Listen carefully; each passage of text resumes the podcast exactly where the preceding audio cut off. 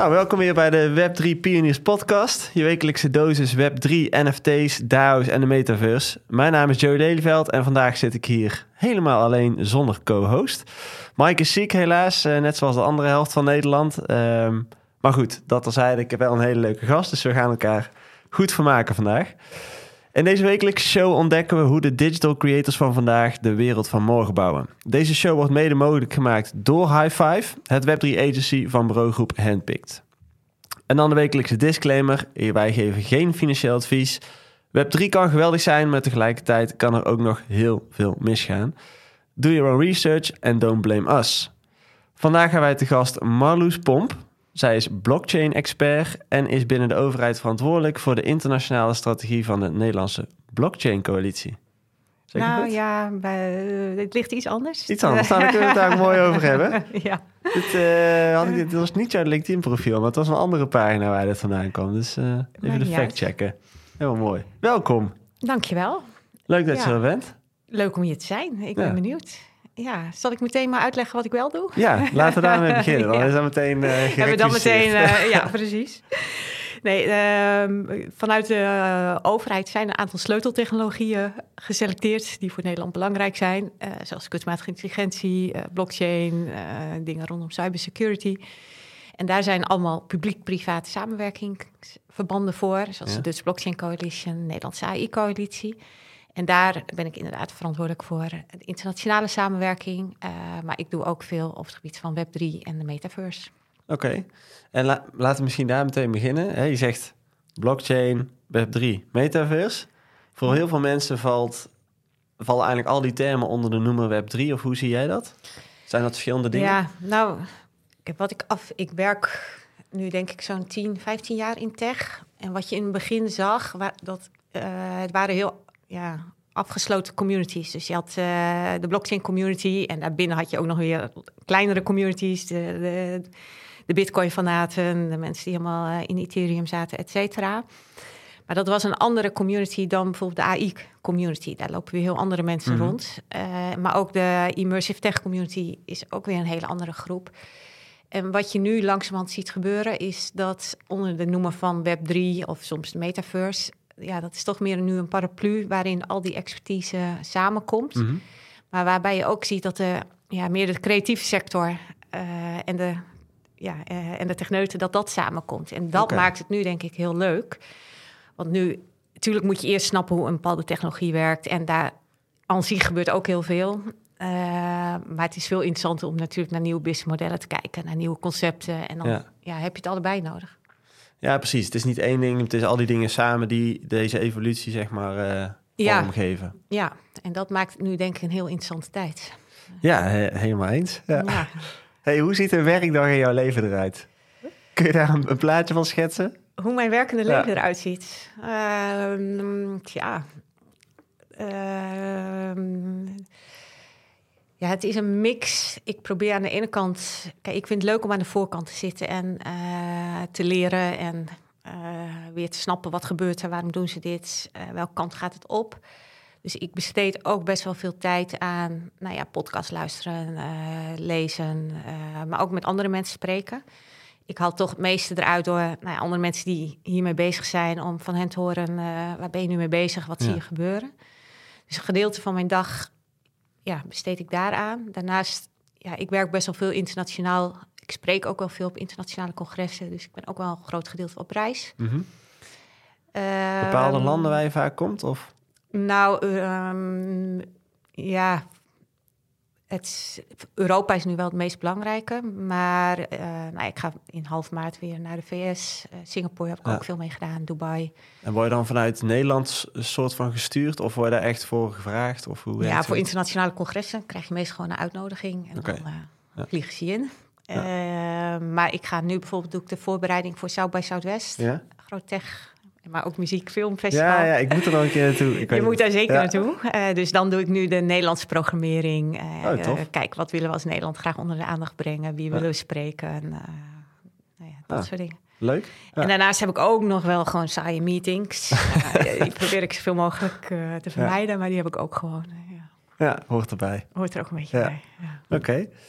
Okay. wat was jouw eerste ervaring in Web3? Als in, hoe ben je begonnen met eh, al deze technologische innovaties?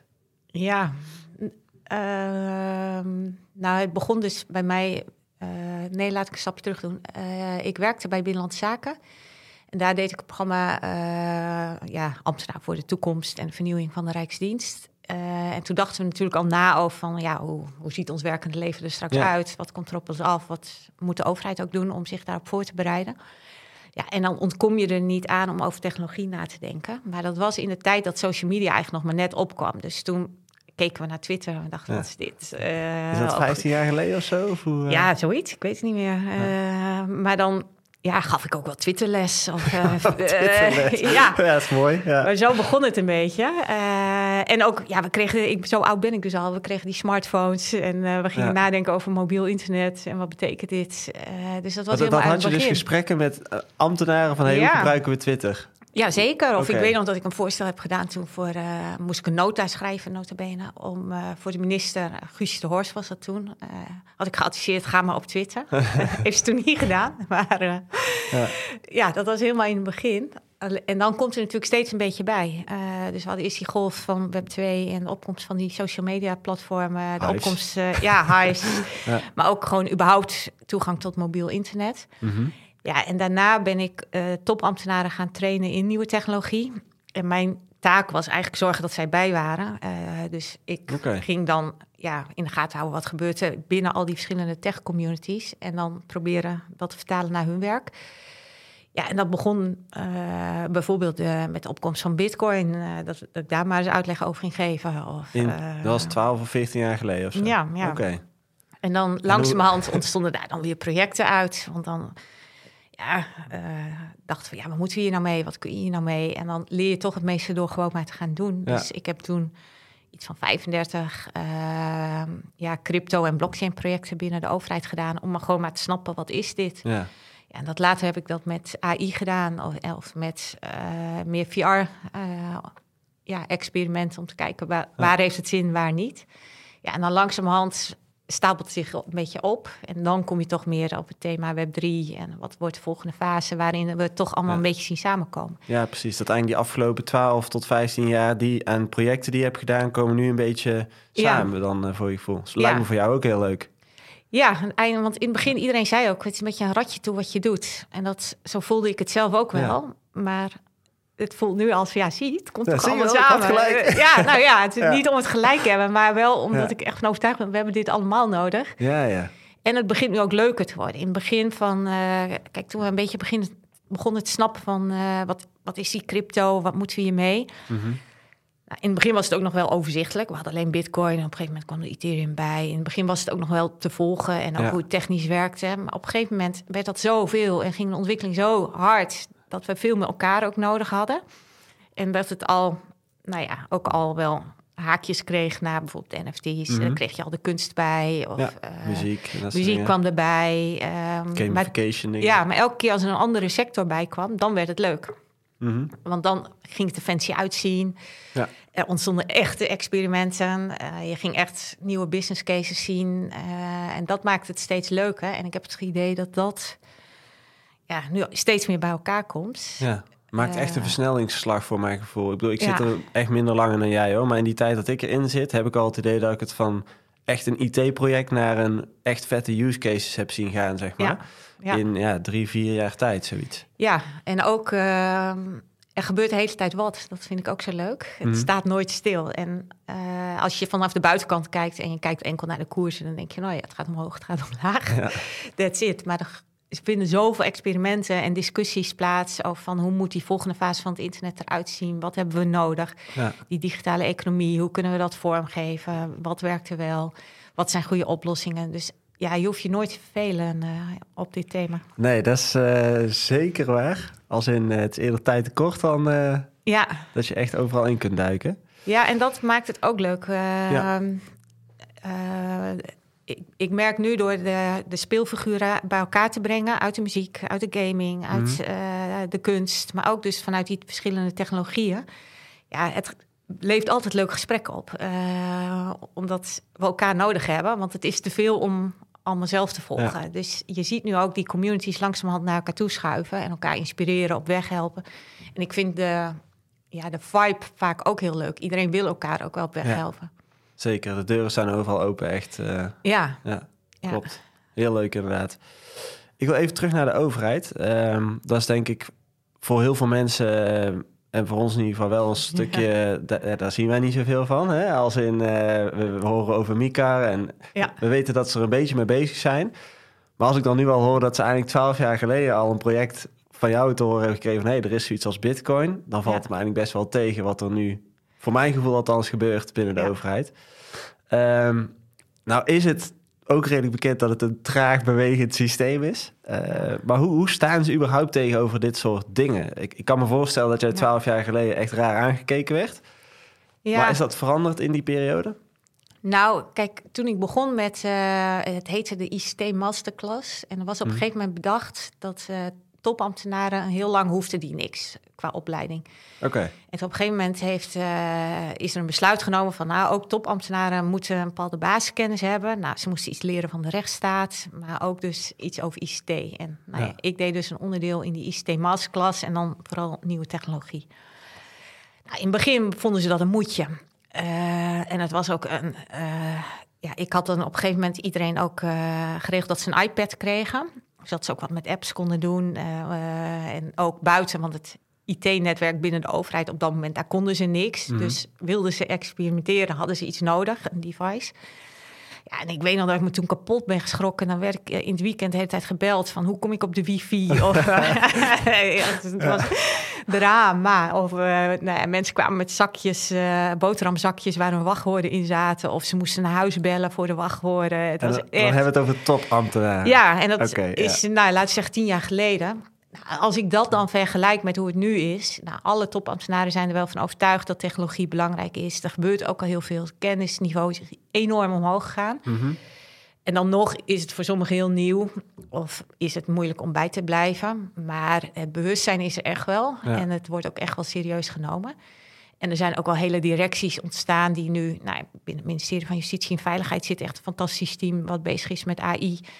Uh, er zijn ja, hele afdelingen die gaan over digitale overheid of bij financiën. Ja, de kennis over Mika en alles daaromheen. Dat, ja, daar zitten gewoon echt ambtenaren die er wel iets van af weten. Okay. Dus het kennisniveau is heel, heel hoog. Alleen ja, de ellende met de overheid is wel dat het uh, inderdaad gewoon ja, vaak heel langzaam gaat. en dat de werkwijze denk ik gewoon niet aansluiten op de, de, werkwijze van, uh, nou ja, bijvoorbeeld de Web3-community. Eh. ja, als je kijkt hoe snel dit gaat en ja, hoe langzaam... maar ook de eh, manier van werken. Kijk, het is toch hmm. heel veel experimenteren en er gaat dus ook heel veel mis. En dan ga je met elkaar weer verder kijken. En dat is ook een werkwijze die niet helemaal bij de overheid past. Dus die, die manier van denken en werken, ja, dat, ja, dat sluit gewoon niet op elkaar aan. Dus daar moet uh, nog ja, ik denk dat in de, uh, elkaar beter begrijpen en werkwijze op elkaar afstemmen, dat daar nog een enorme wens uh, te maken valt. En zijn er bepaalde dingen die al vanuit de overheid uh, ook zijn getest, bijvoorbeeld, of dingetjes als experiment zijn aangegaan?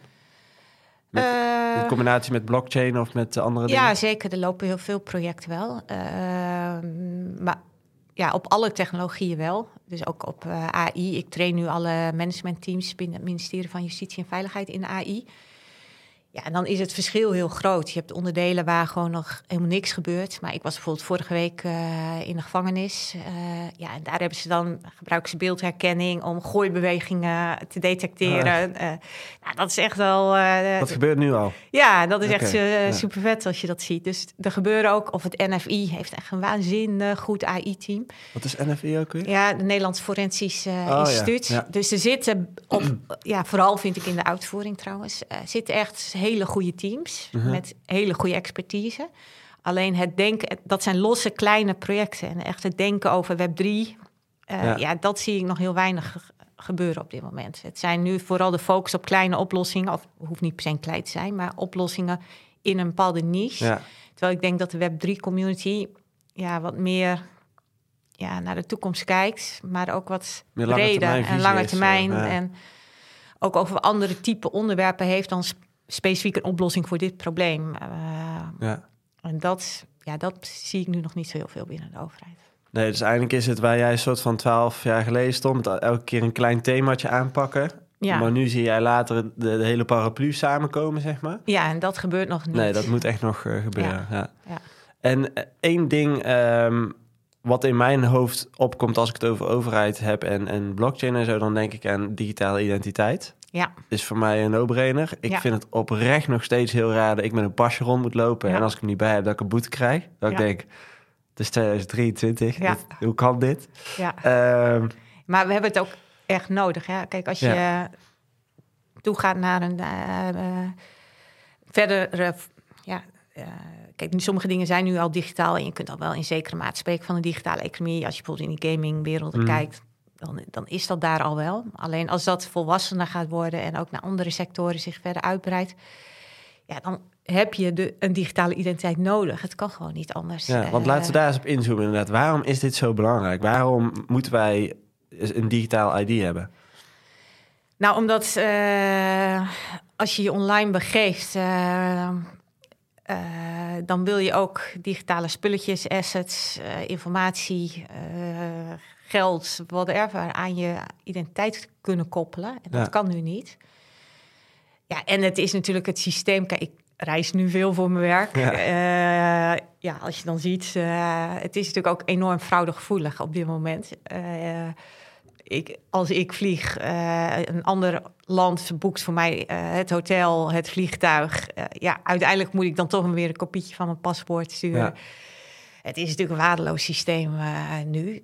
Ja, het is denk ik onontkoombaar dat je een digitale identiteit krijgt. En ik denk ook dat het mooie van een digitale identiteit is dat je het gelaagder kan doen. Dus eh, nu is het gewoon een, ja, een briefje, een pasje, een paspoort. Maar Mhm. met een digitale identiteit, je kunt het natuurlijk ook beter maken. Je kunt ook eh, alleen aantonen dat ik ik ben of dat ik ouder ben dan Ja. 18 zonder andere informatie eh, mee te geven. Of ik kan in andere situaties juist meer informatie meegeven als, als ik dat wil. Ja. Dus ik denk dat je het ook gewoon ja, kunt verrijken door meer lagen aan die identiteit toe te voegen. En dat zit ook weer gekoppeld aan de data die je dus weggeeft van jezelf. Hè? Ja. Want dat is natuurlijk ook een groot thema eh, Ja. hedendaags. Constant hacks overal, dat er Ja. miljoenen creditcardgegevens op straat liggen of noem maar op.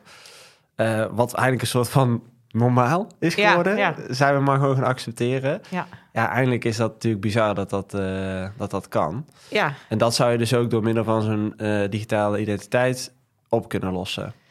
Ja, nou ja, ik denk dat het een eerste stap is. Kijk, daarnaast moet je natuurlijk ook kijken naar hoe hou je zo'n digitale identiteit veilig. Hoe zorg Ja. je ervoor dat ook iedereen daarmee om kan gaan. Dus het, Ja. het is natuurlijk een groter vraagstuk. Maar ja, het begint ermee dat we eerst maar eens eh, een digitale identiteit hebben. Eh, en waarbij je ook zelf wat meer kan bepalen welke informatie geef ik weg en moet ik dat weggeven? Of kan het volstaat een bewijs, eh, een digitaal bewijs, Ja. volstaat dat ook? Ja, ik hoorde laatst een mooi voorbeeld over bijvoorbeeld een, een drankwinkel. Een gal.com of een weet ik veel. Daar moet je aanvinken. Als je nu naar de website gaat, ben je 18 jaar Ja. ouder. Dan komt zo'n pop-upje en dan zeg je ja. Ja, En dat is dan de security, weet ja, je wel. Eh, maar in de toekomst zou het dus zo kunnen zijn dat jouw, jouw wallet zit geconnect met Ja. daarin jouw identiteit. En eigenlijk vraagt die website maar één ding. Ben je ja, ouder of Precies. jonger dan 18? precies. En niet wanneer ben je geboren, maar ja of nee. Ja, Dat is eigenlijk oh, de vraag. groen vinkje, rood vinkje. Precies, ja. Maar wel gevalideerd. En dat is het nu natuurlijk niet. Precies, eh, ja. ja. ja. Dus dat is zoiets wat de toekomst met zich mee kan nemen als je eh, digitale identiteiten gaat gebruiken.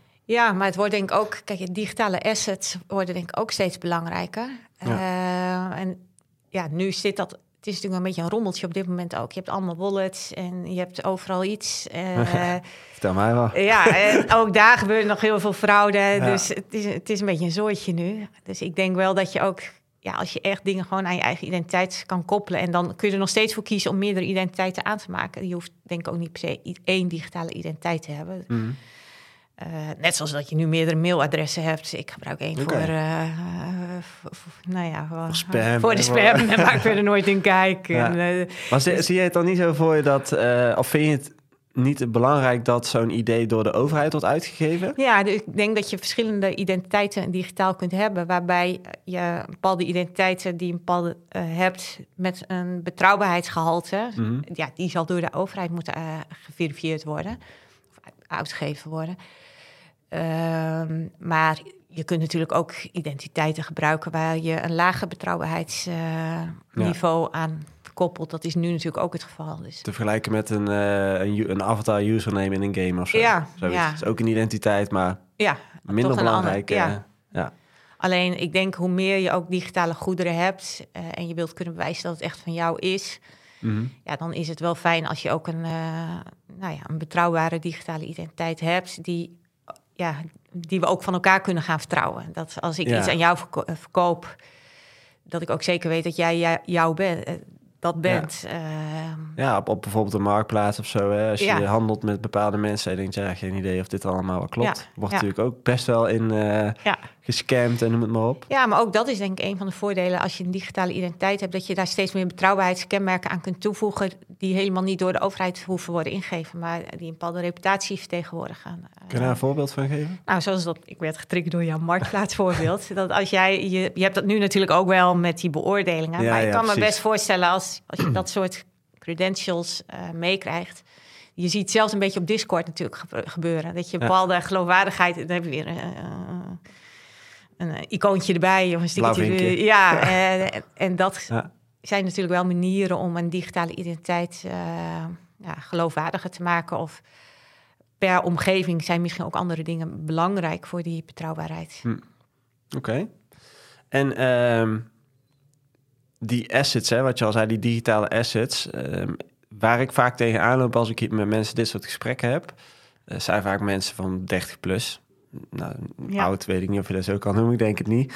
Eh, maar ik denk in vergelijking met de jeugd van nu, oud. Ja. Als in, toen ik 15 was en ik keek naar iemand van 30, dan waren Maar je bent oud. gewoon heel anders opgegroeid. En het Precies. grootste verschil is denk ik op dit moment dat de jongste generatie nu is de eerste gaming first generatie.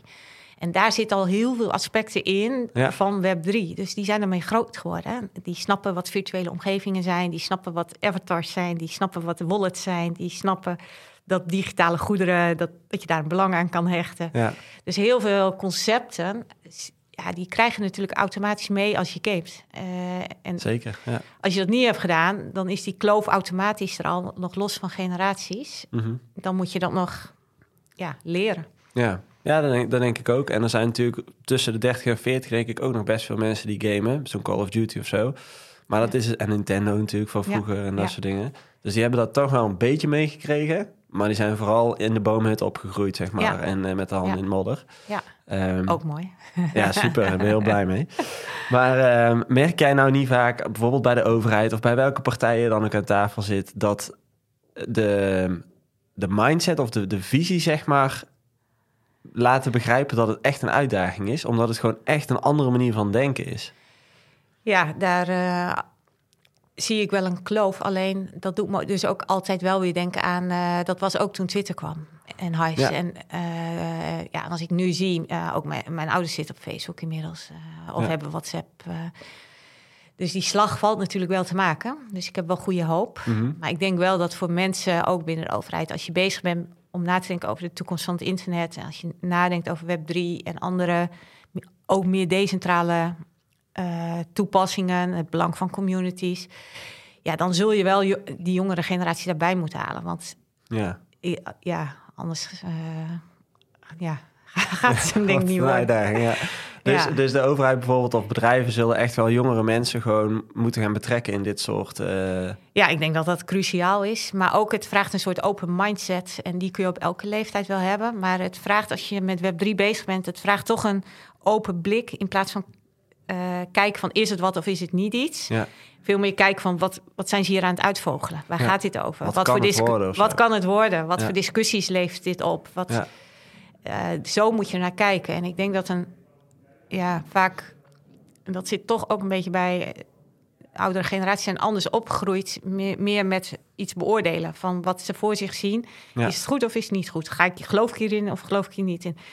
Eh, is het een goed idee of is het een slecht idee? En dat is niet de mindset om hiermee bezig te zijn. Het Nee. is veel meer ja, observeren, leren, discussies aangaan Ja. eh, je laten inspireren. En de antwoorden komen ja, pas later. We weten nu ook heel vaak niet naar waar we naar eh, kijken. Nee. Geen idee. doen we wel eigenlijk, ja. Ja, ja. Maar daar komen vaak wel de mooiste dingen uit, heb ik het idee. ja En daar wordt dan op, op exact. Ja. En dat, ja, die loopjes eigenlijk. Het zijn continue loopjes van innovaties en discussies. Dat moet je leuk gaan vinden als je met zulke onderwerpen bezig bent. En anders wordt het, ja, wordt het heel lastig. Ja, ja, snap ik, zeker. En de jonge generatie heeft dat, denk ik, van nature wat meer eh, in zich. Kunnen we dat nieuwsgierigheid noemen of zo? Ja, Ja. nieuwsgierigheid, open mindset. ehm, Ja, wat meer experimenteren ook. Ja, ja dat het algemeen allemaal wel eh, kinderlijke eigenschappen... Ja, die de meeste volwassenen soort van kwijtraken gaandeweg. Omdat Ja. ze steeds gevormder worden door ja, ja, de ervaringen die ze hebben in het leven. ja. eh, gaan ze beperkter denken over het algemeen. Ja, en niet iedereen hoor. Dus ik ken Nee, ook nee, hele nee, leuke, leuke oudere mensen die zich juist weer eh, hierin verdiepen. Maar ik denk wel dat het. Ja, waarom je zoveel jongeren nu in de Web3 community ziet. Ja, dat. Ja. eh Geeft dat wel. heeft wel een reden. Ja, denk ik. ja, precies. Ja. Even terug naar dat datadeel. Hè? Ehm, want dat is echt een belangrijk thema. Die, eh, ja, het speelt nu, maar of er echt heel veel aandacht aan wordt gegeven, weet ik niet per se. Eh, of dat er echt daarna wordt gehandeld. Maar dat is wel een heel groot probleem waar we, waar we mee zitten op het internet. Ehm, wat lost de blockchain volgens jou nog meer op waar we, ja, wat het, het internet nu kapot maakt, zeg maar? Ja, nou ja, ik denk niet dat blockchain alles oplost hoor. Eh, en ik noem het zelf nu meestal ook decentrale technologie. En zelfs dat is eigenlijk alweer te beperkt, omdat het vaak ook weer een combinatie is met bijvoorbeeld ehm, ja, wis- wiskundige technieken zoals zero knowledge proofs of multi-party computation, of, waarmee Ja. je iets kan bewijzen dat Ja, want die zero knowledge proof, dat is zeg maar zo'n gal en gal die dan vraagt van, ja, precies. 18 jaar? Ja, dus is- het is de oplossingen die je nu ziet, eh, zijn toch vaak een combinatie aan technologieën. Dus je kunt al bijna nooit zeggen, dit is echt een blockchain-oplossing. Mhm. Eh, dus vaak noem ik het nu maar decentrale technologie, maar ook dat is weer te beperkt. Dus daarom ben ik ook zo blij met die Web3-term. Dan kun je dat een beetje overslaan. Iets meer ruimte. Ja, maar dingen die denk ik opgelost moeten gaan worden... en waar je dus een mix aan technologie voor nodig hebt... zijn onder andere dat het veiliger moet worden, het internet. eh, dat je eh, beter moet weten met wie handel je, hoe betrouwbaar is het. Is een, Ja. eh, dat je digitale spullen ook veiliger zijn. dat die ook veilig te verhandelen zijn. Een stukje transparantie of zo heeft daarmee te maken. transparantie. Ja. Ehm, dus dat is denk ik een heel belangrijk punt. Ook om. ehm, ehm, kijk, we denken nu vaak aan fraude, bijvoorbeeld rondom de NFT's of eh, fraude met, rondom, je, die, rondom je paspoort of fraude rondom betalingen. Dat soort dingen hebben we natuurlijk ook. Maar eh, we, ja, we gaan ook naar een tijdperk toe waarbij alle informatie bewerkt is, of vrijwel alle informatie Ja. bewerkt is. Ja, en dan is het steeds moeilijker om te bepalen: is dit echt of niet? Of waar kijk ik naar? Het maakt niet eens uit of het echt is of niet echt is, maar je wil op een gegeven moment wel een stukje betrouwbaarheid kunnen toevoegen aan informatie. Dat kan zijn eh, dat ik zie dat. eh, eh, hoe het beeld bewerkt is, of Mhm. ik te maken heb met een deepfake of niet, of eh, van wie het is, of wie de oorsprong, wie het de wereld in heeft gebracht, omdat ik Ja. daarmee ook een stukje waarde ergens aan kan hechten. En kan ik dat dan voor me zien dat, stel, ik noem maar wat, ik zie een speech van Poetin en die zegt wat. Ja, maar, hoe kan- weet jij dat? Precies, dat Ja. kan ook een deepfake zijn. Ja, En dat dat in de toekomst dus wordt uitgegeven als eh, digitaal asset met daaraan een smart contract of zo. nou ja, je zou dus die, de overheid, Poetin, eh, een digitale identiteit kunnen geven als organisatie, als Mhm. persoon. En dan daar de, de speech aan koppelen als Ja. dit is eh, geverifieerd. En Ja. dan weet jij, eh, oh ja, dit is echt eh, uitgesproken. Ja, dat is dat en ik denk mij, dat je dat uiteindelijk wel nodig hebt, omdat je anders ja, is het heel vermoeiend, denk ik, om in een wereld te leven waarbij je constant moet afvragen van klopt dit? Waar, eh, wat ja, is dit? Heel veel onzekerheid. Ja, eh, maar ook van wie is het? Als we het hebben over muziek. Ja. Je wil gewoon wel zeker kunnen weten van... hé, hey, die rechten zijn van die en die. eh, en dat kan ik op deze manier gebruiken... of ik kan op die manier verkopen. Of... Ja. Dus de- de- een stukje betrouwbaarheid en transparantie heb je gewoon wel nodig. Dus ik denk dat dat gefixt moet worden. Een ander ding is toch de centrale macht van de techpartijen... die maar toeneemt en toeneemt. Mhm. Ja, ik denk dat Web3 communities, eh, dat dat de enige manier is om daar een tegenwicht aan te, aan te bieden. Eh, En daarmee bedoel je eigenlijk dat al die macht als in data ligt nu bij Facebook, bij Google. ja, En die verdienen daar natuurlijk heel veel geld op. ja, maar ook eh, het wordt steeds minder transparant hoe dat dan gaat. Of, uh, of er beïnvloeding plaatsvindt. Of we hebben steeds minder grip op. Ja. Hoe, hoe dan bepaalde spelregels Ja. door hem worden gehanteerd. Dus, je ziet het nu eigenlijk al met die Twitter-files en zo. Hè? Dus dat eh, wat er destijds allemaal door de overheid een soort van is afgedwongen bij Twitter om dingen te blokken of om dingen gewoon compleet af te schermen of van het platform af te gooien. Ik hoorde jou in een andere podcast, dan moet ik even de titel op gaan zoeken of de titel, het woord. Jij, jij noemde iets mooi, digitale verbanning was het volgens mij van platformen.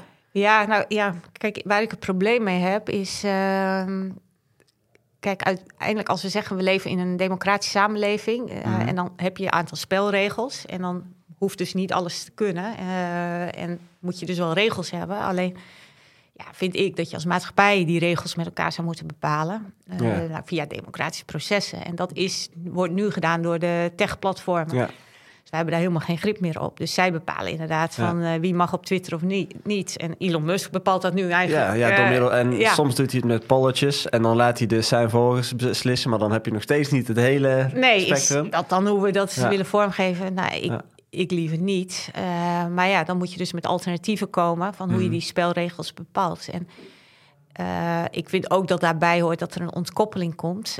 Kijk, als je, we hebben nu gewoon eh, snelwegen en daar bepaalde regels voor. En ook wie er over die snelwegen heen mag. En wat je nu eigenlijk hebt met die digitale snelwegen, is dat zij ook nog bepalen wie mag erop en onder Ja. welke condities. Eh, ja, en ook nog vaak hebben ze de toegangspoort van eh, bijvoorbeeld Facebook met de Oculus Quest. Wie mag er een app in aanbieden of niet? Ja, en dat, eh, daar heb ik wel problemen Ja. mee. En ik zie in de Web3 communities dat ze veel meer nadenken over die governance. Van wat is goede governance? Hoe kunnen voorstellen ingebracht worden als we iets anders willen? Mhm. Eh, wat zijn dan die spelregels? Ehm, en bijna iedereen werkt toch wel toe naar meer decentrale ja, governance modellen. Mhm. Dat zijn Die DAO's, hè? Ja, DAO's, maar ook Ja. nog los van of het een DAO is. Je ziet toch dat eh Web3-bedrijven allemaal wel nadenken over van hoe kunnen we ja, echt die community een rol geven en, en laten stemmen en laten meebepalen. Ja. En wat zijn dan de processen daarvoor? In plaats van dat dat gecentraliseerde macht is. Ja. Eh, Ja, dat, dus, dus het is echt wel een andere manier van denken. Ja. Ja. ja, en of we dan nog op kunnen tegen techgeweld eh, zoals het ja, nu is, dat weet ik niet. Maar ik zie wel dat de, dat denken en dat gedachtegoed in de Web3-community Ja. heel sterk aanwezig is. En dat wordt ook steeds groter voor mijn gevoel. Omdat steeds meer mensen, ehm, als je het ze uitlegt waarom, dan snappen de meesten het eigenlijk wel. Als je Ja. het uitlegt van ja, nu ligt alle macht daar en hoe het Ja. nu gaat. Dan ineens gaan ze snappen van ja, eigenlijk is dit helemaal niet logisch hoe het nu loopt. Nee, en het is natuurlijk ook... eh, kijk, ik ben niet tegen de techpartijen en er gebeuren ook hele mooie dingen. Mhm. Ik ben alleen tegen ja, dat... ehm, hoe de spelregels nu, nu zijn in sommige gevallen, of Ja. heel veel gevallen. En dat de zeggenschap niet meer ligt bij jou als gebruiker of als community Mhm. of als democratie, maar dat dat ja, veel te veel in de handen ligt van die grote techpartijen. Dus dat. Ja. En e- de enige plek waar ik echt dat gedachtegoed zie van hé, hey, dat moet echt anders en mensen die daar ook echt voor willen gaan, dat is op dit moment vooral de tech, de, de Web3 Ja. community. Ja. En dat in de blockchain eh, community, ehm, die ik als onderdeel zie van de Web3 community, Mhm.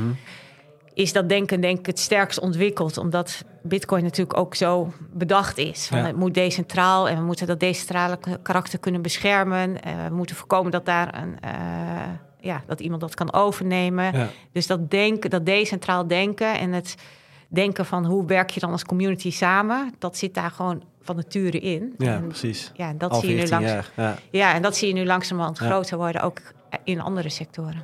En dat is denk ik ook hetgene wat heel veel mensen missen. Ze denken al snel van, oh, het is technologie. Maar de gevolgen hiervan, dus de, de Ja. ethische dingen die het met, met zich meebrengt... en de maatschappelijke dingen die het met zich meebrengt... Ja. en enorm. Maar eigenlijk een beetje voor mijn gevoel een ondergeschoven kindje of zo in het hele verhaal. Ja, zeker. En dat is wel iets wat, eh, waar denk ik veel werk ligt om in de toekomst dat naar buiten te communiceren. Je Ja, ziet nu natuurlijk wel dat bitcoin veel voor, eh, eh, hoe noem je dat, energieverbruik en zo. Hè? Dus dat het ervoor om kassen te verwarmen en zo. Ja. En dat zie je nu al iets meer naar boven komen. Eh, maar alle andere elementen nog niet echt voor mijn gevoel. nee, Dus, nee. eh, daar is nog genoeg werk te doen. Ja. Ja, zeker. Je had het ook kort even over die andere eh, eh, innovaties. Dus noem even een AI. Ik denk ChatGPT is nu de meest relevante. Dus veel mensen kennen het inmiddels wel. Ja. Ehm, ja, toen ik jou leerde kennen, hadden we een kort telefoongesprek. En toen had jij het over synthetische media. Dat was voor mij een compleet nieuwe term. Ehm, maar wat jij toen vertelde, vond ik heel interessant. Dus daar wil ik het graag nu ook even over hebben. Over ehm, hoe daar de toekomst van uitziet. En jij benoemde toen, eh, over vijf jaar is de kans heel groot... of is zo berekend of onderzoek naar gedaan... dat over vijf jaar 50% van... al- 90 Oh, procent. 90% van alle media die wij consumeren... Ja, eh, bewerkt is. ja, kan nep zijn. Door Ja. AI, door... Je moet het dus denk ik niet meer als eh, nep... eh, echt of nep, dat is nu ons kader. Ja. Ik denk dat dat dus niet meer relevant is. Omdat je er gewoon vanuit kan gaan... het is op een of andere manier bewerkt. Ja, En dat hoeft ook helemaal niet erg te zijn. Eh, Net zo goed dat je nu Photoshop hebt of zo. Ja, Ja. eh, de meeste foto's die je op Instagram ziet eh, zijn al bewerkt. Ja, Eh, eigenlijk is alles al bewerkt, Is al ja. heel veel bewerkt. Alleen dat gaat steeds verder en het wordt ook steeds makkelijker. Dus in het begin om een deepfake te maken, ja, dat konden niet heel veel mensen. Eh, of, om eh, ja, mooie afbeeldingen te maken of om eh, een video te maken waarin eh, muzikanten muziek maken eh, die, die gewoon door kunstmatige intelligentie is gemaakt. Ja. Dat kon helemaal niet iedereen. Alleen er komen nu zoveel tools op de markt waarbij het zo kinderlijk eenvoudig is om je, je stem te klonen of Ja. om, eh, nou ja, inderdaad dus gewoon een deepfake van jou te maken. Ja, daar zit natuurlijk uiteindelijk wel, ze haken, zitten er ook heel veel problemen aan. Ook heel veel mooie kansen, maar ook heel veel problemen. Mhm. Ja, en dat is wel iets waar we denk ik eens wat steviger naar moeten kijken van hoe, hoe lossen we dat op? Want ja, het, is, het gaat psychisch denk ik gewoon heel veel met je doen om in zo'n wereld te leven. Maar het maakt ook beïnvloeding, de desinformatie, maar ook gewoon Ja. beïnvloeding van bepaalde groepen eh, eh, makkelijker. Maar Ja, het kan ook een soort ja, apathie opleveren. Dat mensen Ja. op een gegeven moment denken, ja, ik weet het toch allemaal niet meer. Laat maar zitten. Laat maar zitten, ik doe niet meer mee. Ja. Eh, ja, dat is denk ik niet de weg vooruit. Dus we moeten toch kijken aan de ene kant... eh, hoe kun je dan ook makkelijker detecteren wat er is eh, gebeurd... maar ook hoe kun je aan de voorkant al meer kenmerken aan informatie meegeven... zoals dus identiteiten, zoals een stukje historie van hoe is informatie bewerkt... zodat als je iets wil verifiëren, dat het niet een enorm gedoe is... om daar weer achter te komen. En dat het haast ook... Ja, het zou mooi zijn als je ook in de zoekresultaten straks van ChatGPT of eh, Google. Dat dat eh, ja, transparante informatie, eh, Ja. dat dat hoger gewaardeerd wordt dan andere informatie waar, waar niks over te vinden is. En is er een mogelijkheid om zoiets te doen zonder blockchain? Ehm, Zon- want die verifi- verifieerbaarheid, zeg maar, ja, ik denk wel dat je. lastig. Nou ja, ik, ja, je hebt denk ik wel eh, vormen van timestampen nodig en digitale identiteiten. eh, Mhm. Uh, maar ja, er gebeurt ook heel veel in, eh, in de hardware. Dat, eh, dat je met camera's natuurlijk al eh, eh, content kan meegeven. Of, dus het is denk ik een, een, een- het zal niet één oplossing zijn. Het zal een mix aan Mhm. eh, manieren zijn. Maar uiteindelijk moet het, ja, zal er toch iets aan content meegegeven moeten worden. Ja. Het lijkt me gewoon zo'n moeilijk thema, maar ook inderdaad eh, de problemen die het met zich mee kan brengen in de toekomst. En dan hebben we het over vijf jaar, Ja, wat echt ja, niks is Ja. eigenlijk. ja. Ehm, lijkt me zo'n grote uitdaging, vooral voor een overheid of zo. Eh, politie, eh, die gaat hier, heeft er nu al mee te maken waarschijnlijk. ja eh, en ook... eh, eh, in, eh, het, het is zeg maar ehm, nu al heel makkelijk voor mensen om ook dingen die aangeleverd worden aan de politie te bewerken. Eh, Oh, zo. dus zij moeten zelf ook al veel meer effort steken in weer nagaan van is dit bewijsmateriaal, eh, klopt, Ja. is dit echt of is dit bewerkt, van wie Oh komt het? god, ja, nog één stap Dus- daarvoor. Is, het, is inderdaad het bewijsmateriaal überhaupt echt? Dat is ook al een probleem Het is ook al dan een Ja. eh, probleem. Dus nee, het, vergt, het is denk ik echt een enorm Hm. vraagstuk wat er op ons afkomt. Ja. En enerzijds kun je het een beetje oplossen met regelgeving. Je kunt natuurlijk zeggen, je mag wel deepfakes gebruiken, maar eh, het moet herkenbaar zijn dat het een deepfake is. Dat komt ook Ja. eh, straks in de nieuwe AI-act te staan. Net zoals dat je een, Maar- een, moet dan een rode loop hebben of zo. Ja, wel, zo, het. dingen kun je Ja. doen. Maar goed, daarmee is het probleem natuurlijk nog niet helemaal opgelost. Dus Ja. eh, je hebt gewoon meer... Ja, regulatie is een ding, maar ik denk gewoon veel meer doen aan je... Je noemt dat provenance, veel meer doen aan... eh, transparantie aan informatie, Ja, eh, aan identiteit eh, meegeven. Hm. Eh, betere software ook om te, voor mensen die makkelijk gebru- te gebruiken is om nou ja, te herkennen, eh, weer te detecteren. Ja. Alleen ja, dat blijft altijd een red race, want de, de algoritmes die je gebruikt om te detecteren, die leveren ook meteen weer input voor nou ja, eh, de synthetische media, de deepfakes. Dus dat blijft altijd een red race. Dus ik denk dat je beter ook aan de voorkant eh, meer Hm. kunt gaan doen. Echt een enorme... Ik vind het echt bizar wat er allemaal op dit moment gebeurt, hoor. Echt, dat ChatGPT en al die andere Ja. AI-tools. Ik heb ook zo'n muziektool, eh Iva, Ja, ja, ja. gebruikt. Ja. Ja. dat is bizar. ja, het begint eh, nu gewoon heel snel heel goed te worden. eh, En heel toegankelijk. Eh, dus Ja. waar je eerst gewoon echt nog wel eh, ja, technische skills nodig had, is dat nu niet meer zo. mhm. Ja, en dat, eh, Dan gaan veel mensen gebruik maken, zoals studenten bijvoorbeeld. Hè? ja, maar je ziet ook, het is bizar natuurlijk hoe, hoe, snel, eh, hoe snel die adoptie eh, dan plaatsvindt. Ja. Ja. Gaan we dat kunnen bijbenen, is de vraag, hè? ja, we zullen wel. Ja, ik ben positief meestal. We zullen wel moeten. Eh, en we zullen ook Ja. vast wel weer manieren vinden om dat te doen. Maar het is nu ook eerst ook nog, eh, dat vind ik wel ook weer een leuke fase. Kijk, zoiets is er en iedereen ziet nu de potentie. Mhm. Maar ja, wat zijn nu de goede use cases? Hoe ga je het nou echt zinnig, zinvol gebruiken? Ja. Eh, en waar zitten dan de rafelrandjes die je niet wil? Nou ja, eentje is al heel duidelijk. Het gebrek aan transparantie. Eh, het is niet voor ons te achterhalen hoe het nou precies werkt. Ehm, en het is ook nu ja, weer een monopolie. Ja, het is niet dat wij dat ook even kunnen maken. Nee, precies. Ja. En volgens mij is zo'n ChatGPT ChatGPT bijvoorbeeld ook weer betaald door... Ja, Ja, exact. Elon het is, eh, Microsoft, Ja, eh, exact. het zijn weer dezelfde Het zijn weer die partijen. Big Five Ja. of wat dan ook die daarin investeren. Dus Ja. dat is ook een probleem te noemen. Ja.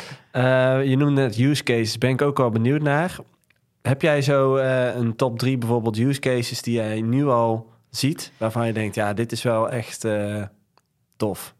Ja, nou, ik vind zelf, eh, als je kijkt naar Web3 toepassingen, wij worden ze echt al groter. Dan ja, zit het toch vooral op dit moment in gaming, fashion eh, en entertainment.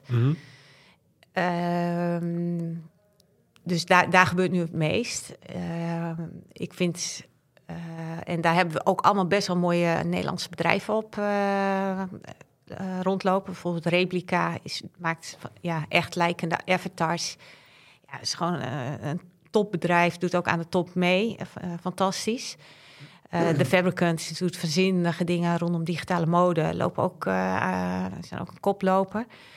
Dus de- er gebeurt heel veel en dat zijn gewoon serieuze use cases om, om naar te kijken. Wat ik bij al dat soort bedrijven het leuke vind, is dat ze heel erg denken vanuit die communities en de kracht vanuit de communities. Dus ze zijn waar je bij Web 2 natuurlijk een gebruiker was van iets, ben je in Web 3 toepassingen toch meer onderdeel van wat er gemaakt wordt. Ja. Ehm, en dat, ja, dat lijken ze allemaal heel goed te begrijpen. Dus ze En doen hoe, ook veel. hoe word je eh, dan onderdeel? Als in, ben je aandeelhouder? Heb je stemrecht? Eh, Ja, nou, ehm, ja, daar lopen nu dus best wel veel experimenten. eh, van hoe kun je, kun je dan tot andere businessmodellen komen?